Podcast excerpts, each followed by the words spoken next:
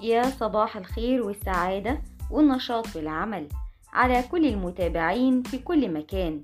أجمل متابعين لبودكاست الحكاية من شبكة بودكاست لمتنا مساحة صديقة. موضوعنا النهاردة عن اليوم العالمي لمهارات الشباب.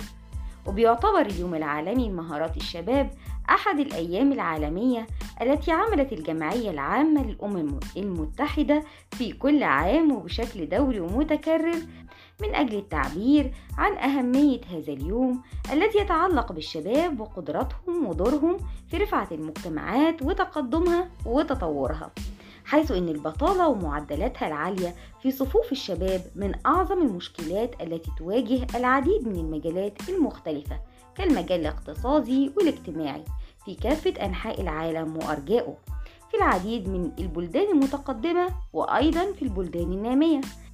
وبيتم استحداث الوظائف من أجل استيعاب عدد وكمية الشباب الذين لا يجدون وظيفة أو العاطلين عن العمل حيث يبلغ عدد الشباب العاطلين عن العمل ما يقرب من 73 مليون شاب إضافة إلى الذين تخرجوا حديثا من الجامعات والمقبلين على سوق العمل حيث يبلغ عدد الوافدين على سوق العمل 40 مليون شاب كل عام. كما أشارت منظمة التعاون والتنمية التي تعمل في الميدان والمجال الاقتصادي إلى أن المسؤولين عن العمل وكذلك الشباب يعتبرون أن العديد من الأشخاص الذين تخرجوا يحتاجون إلى الكثير من المهارات التي تلزمهم للمزاولة لمزاولة العمل في ميدان العمل. وبيحتفل باليوم العالمي لمهارات الشباب في عام 2021 في سياق مليء بالتحديات بسبب جائحة فيروس كورونا. فاليونسكو بتقدر أن المدارس في نصف دول العالم كانت مغلقة إما كليا أو جزئيا. ويشيد العالم هذا العام بقدرة الشباب على الصمود وإبداعهم في أثناء أزمة كورونا.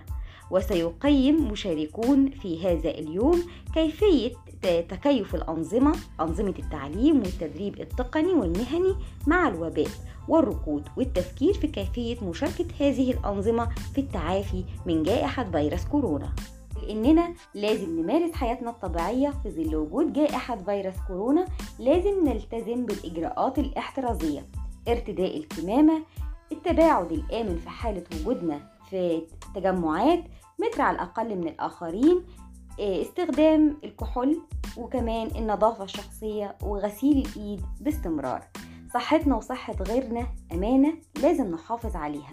من شبكة بودكاست لمتنا مساحة صديقة وبودكاست الحكاية بنتمنى ليكم دوام الصحة والعافية والتفوق والنجاح دائما وليكم مني كل الحب.